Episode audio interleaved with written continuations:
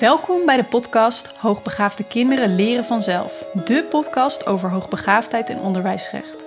Mijn naam is Fleur Terpstra en als onderwijsjurist sta ik ouders van hoogbegaafde kinderen bij. Binnenkort verschijnt mijn eerste juridische handboek met de gelijknamige titel Hoogbegaafde kinderen leren vanzelf.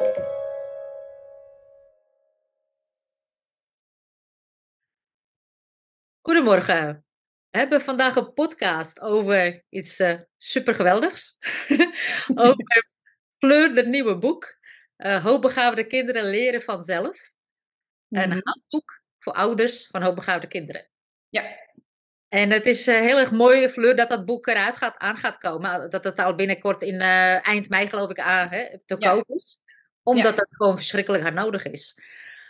En uh, maar we praten natuurlijk wel eens uh, vaker over hoogbegaafdheid en uitzonderlijke begaafdheid. En over allerlei problematiek in het onderwijs. Mm -hmm. um, en dat ouders vaak handvatten nodig hebben om uh, hoe, ja, hoe praktisch dingen in te richten. En dat is juist precies dit boek wat ze dat kan bieden. Want ik heb dat boek al gelezen en het is inderdaad gewoon heel ja. mooi en heel bruikbaar. En dus daarom gaan we het uh, over hebben, om mensen alvast enthousiast te maken. Maar vertel, uh, hoe kwam je eigenlijk op het idee om het uh, boek te schrijven? Um, ja, het is een beetje langzaam ontstaan eigenlijk. Eh, een paar jaar geleden heb ik een, um, um, ja, niet echt een collectieve procedure, maar een procedure gevoerd bij het College voor de Rechten van de Mens. En dat ging ook over uh, het recht op uh, aanpassingen voor hoogbegaafde kinderen. En uh, daar hadden heel veel ouders zich ook bij aangesloten. En nou, helaas leverde het niet de uitkomst op die we hoopten. Maar nou ja, zo ben ik wel gaan nadenken van ja, wat zijn nog meer um, stappen die je kunt zetten om een grotere groep mensen te kunnen helpen.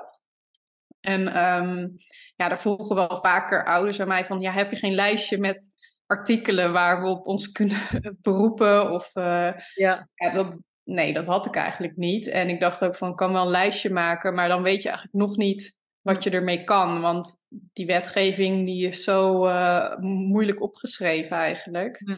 Dat, ja, daar heb je niet zoveel aan. Dus zo is het eigenlijk een beetje gaan uh, rollen. En um, ja, ben ik gewoon begonnen inderdaad met allerlei casussen die ik in de loop uh, der jaren voorbij heb zien komen, om dat uh, um, ja, om te vormen naar een boek. Mm -hmm.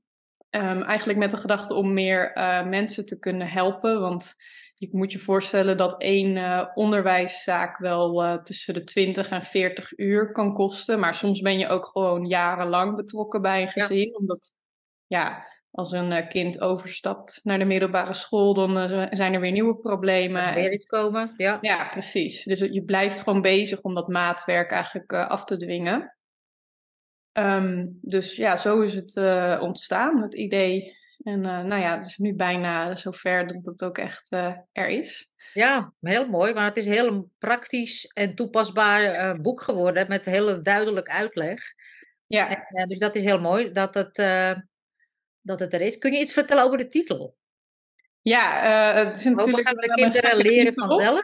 Hoogbegaafde kinderen leren vanzelf. Uh, ja, leren ze vanzelf? Nou, in principe wel. Ik geloof van wel. Um, maar de omstandigheden moeten dan wel uh, zo optimaal mogelijk zijn. En daar gaat natuurlijk ook het boek over. Van hoe kun je dat creëren? En ja, dan ga ik best wel buiten de kaders ook. Dan probeer ik ouders ook wel aan te zetten om... Um, ja, hun uh, eigen overtuigingen eens goed te bekijken. En te kijken ja, van wat is er nou nog meer mogelijk. Ja, zodat het kind ook weer echt kan gaan leren. Ja, ja, maar die kaders die zijn inderdaad soms heel hardnekkig. Hè? Dat ouders denken ja. dat ze iets moeten doen zoals ze dat Ja. gehoord hebben dat ze dat moeten doen. Ja, Eh, omdat ze en dat er meer mogelijkheden zijn die ze niet kennen. Ja, en iedereen heeft zelf ook in, in het systeem gezeten. Dus Ja. eh, tenminste de meeste. Dus dan eh, ja, gaat dat eigenlijk vanzelf. Ja. En eh, dat kan heel beperkend zijn. Dat klopt, ja. En veel ouders ehm, laten zich inderdaad bang maken hè, door, eh, door ehm, eh, nou ja, scholen, instanties, verhalen van andere ouders, van andere mensen, internet en dat soort dingen. Ehm, maar ze zorgen wel zo goed mogelijk voor hun kind natuurlijk, zoals ze dat Ja. zouden willen, maar toch mhm. beperkt worden. Of dat, althans, dat voelen ze, dat ze beperkt worden door mensen, door, zoals leerkrachten die iets roepen. Uh, dat kan niet, is niet mogelijk, uh, dat soort dingen. En ik denk, uh, ik ben echt ervan overtuigd dat jouw boek het ouders helpt om inderdaad zijn ogen open te zetten. Dat, ze, dat er echt meer mogelijk is dan alleen die beperkte juridische kennis van leerkrachten en, en misschien besturen. Ja, dus dat er veel meer is. Ja. En dat, zodat ze zo goed mogelijk voor hun kind kunnen zorgen. Ja, klopt. Uh, ik denk dat waar ik ook wel anders werk dan andere advocaten en juristen, is dat ik eigenlijk eerst gewoon kijk naar het geheel. En oké, wie is dat kind? En weet je al uh, wat je kind nodig heeft? En um, um, veel meer kijken naar, oké, wat, wat is dus, wie is het kind en wat heeft het nodig? En vervolgens kijken naar, oké, ja, welke uh, juridische uh, belemmeringen zijn er misschien nog en hoe kun je die dan weg, wegnemen?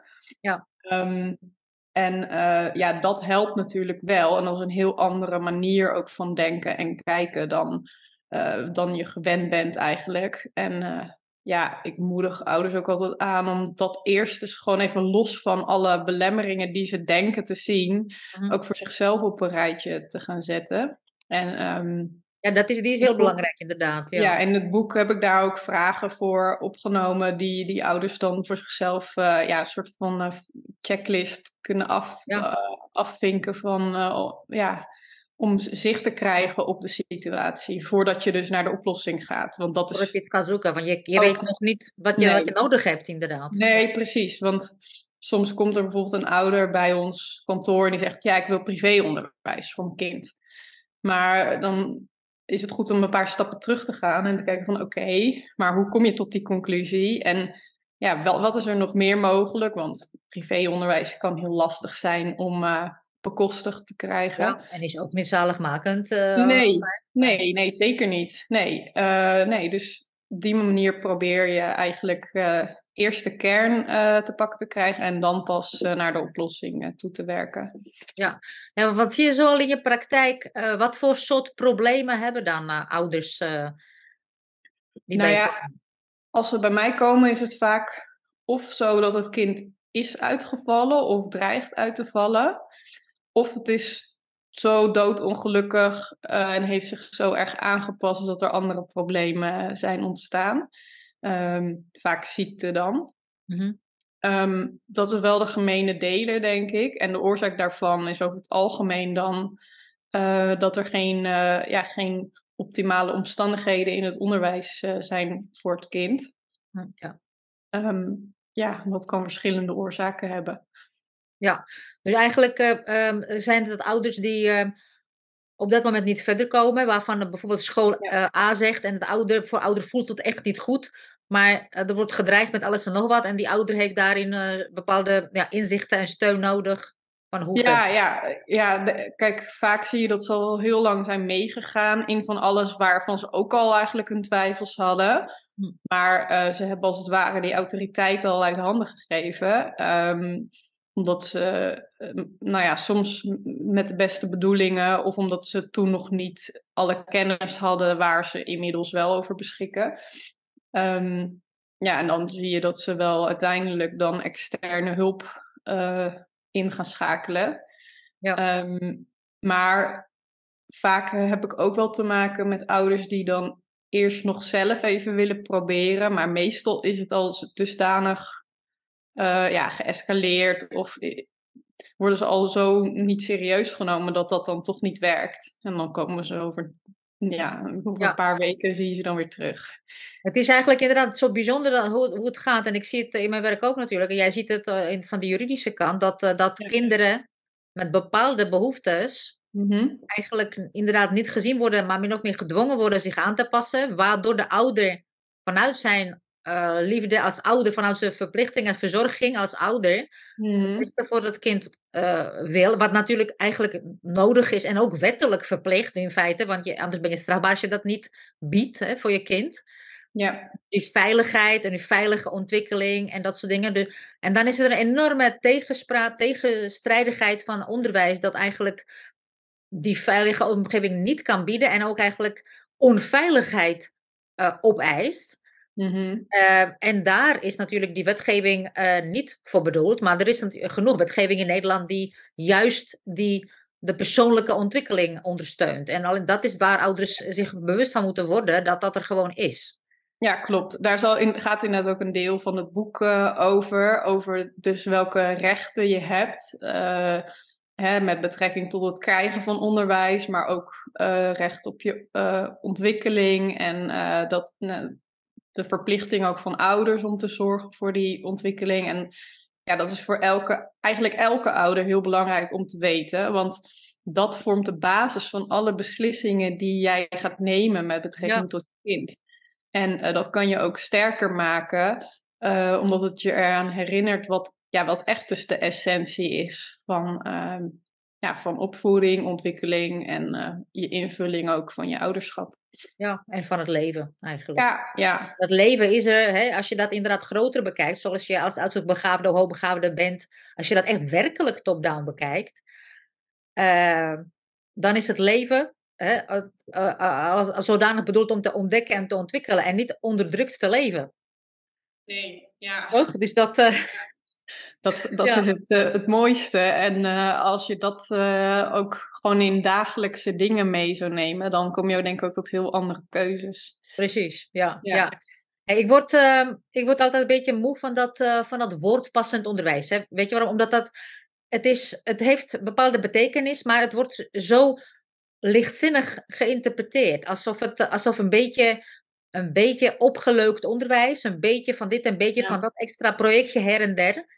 Mm -hmm. uh, dan hebben we passend onderwijs. Weet je, en dan ja. hoe komen eigenlijk ouders eruit? Hoe, hoe weten ze uh, of, ze of de school dat zogenaamd passend onderwijs biedt, of dat het werkelijk passend is? Ja, het ligt denk ik aan uh, de betekenis die je eraan toekent. Als je kijkt natuurlijk naar de wet, dan moet de school een, uh, een plan hebben welke ondersteuning ze bieden en wat, wat de basisondersteuning en extra ondersteuning en op welke manier het samenwerkingsverband daar ook een rol in speelt.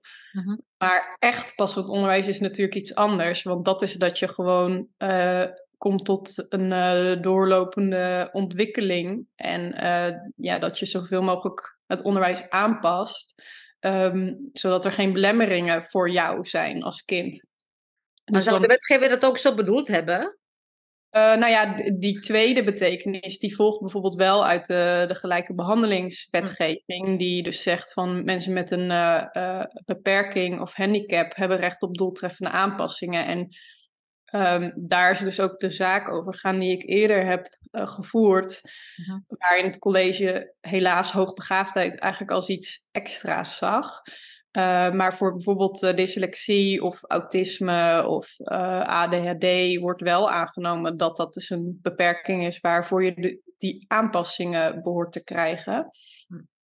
Um, maar je ziet inderdaad dat met name dan voor de groep hoogbegaafden wordt heel vaak gezegd, nou ja, we hebben een plusklas, dus er is passend onderwijs. Maar ja, passend precies, ja. verschilt per individu eigenlijk. Dat ja. kan je dus nooit zo zeggen. En ook binnen uh, de groep hoogbegaafde kinderen, daar is geen, dat is geen homogene groep. En nee, het verschil niet. tussen, uh, ja, om even in IQ te spreken, IQ 130 of 150 is enorm. Dus ja, dat is een illusie om te denken dat dat werkt, natuurlijk. Ja, precies. En daarom moet je er als ouder, um, ben jij daarin leidend voor je kind, om dat goed voor uh, dus... uh, ja, ja, je zal alsnog moeten kijken van wat is daadwerkelijk passend. En ja, uh, ja ik denk dat uh, veel ouders vol goede hoop hun kind dan naar zo'n plusklas sturen, maar dan de meeste komen na een tijdje daar ook wel op terug. Ja dat, dat, ja, dat is vaak wel even leuk en nieuw en iets anders. Of het kan net even helpen, maar als de rest niet passend is, dan is het geen passend onderwijs. Dan is het geen passend onderwijs. Nee. Nee, nee, nee. nee. Passend leven en passend uh, opvoeding. Nee, nee. Ja. Nee, nee het is. Uh, nee, en hoe is het? Want als je dat hebt over uh, dat passend onderwijs, hè, en uh, wat passend is, vaak niet ook naar passende omgevingen, passende behoeftes uh, van het kind. Uh, hoe zit dat wat dat betreft met leerplicht en leerrecht? Want die twee woorden die, die, die, die zitten een beetje dwars, want leerplicht, kijk, het kind heeft geen plichten in feite. Het, het, ik vind dat een volwassene plicht heeft om het kind te leren. Ja, zo is de leerplicht ook, ook geschreven, want het is de verplichting van de, van de ouder om ervoor te zorgen dat het kind uh, naar school gaat. De gedachte is natuurlijk van dat het kind dan op school ook echt leert. nou, dat geldt niet altijd. Nee, nee. Um, en uh, ja, daar waar inderdaad het leren op school ophoudt, zou je ook kunnen betogen dat daar dan ook de leerplicht uh, niet meer volledig van toepassing kan zijn.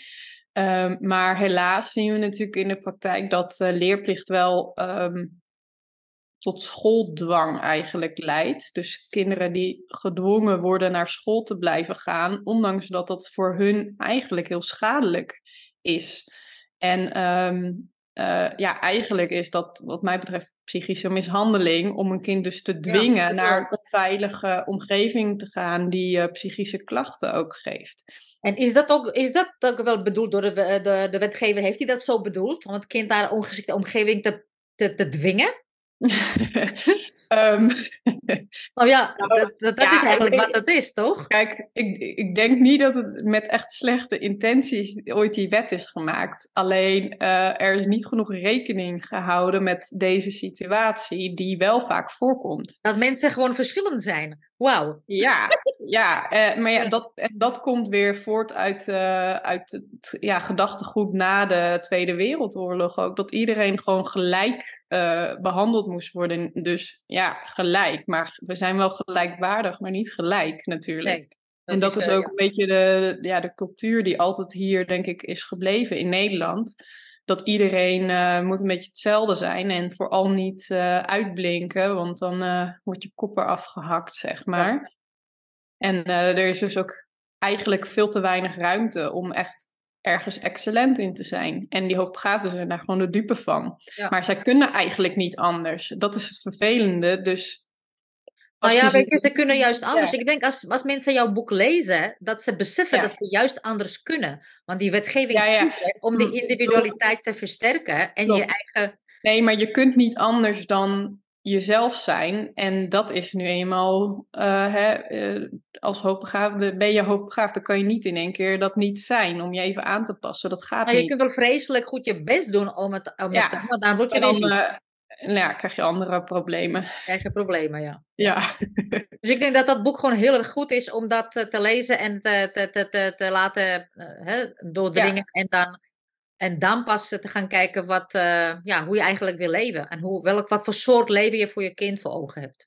Nou, dat is sowieso inderdaad aan te raden voor iedereen uh, die hiermee te maken krijgt. Om inderdaad niet als een kip zonder kop te denken: oh, ik moet nu iets. Maar gewoon inderdaad, ga eens even gewoon goed kijken van, uh, ja, hoe zit het echt in elkaar? En ja, verder kijken dan je neus lang is. En daar kan het boek zeker bij helpen.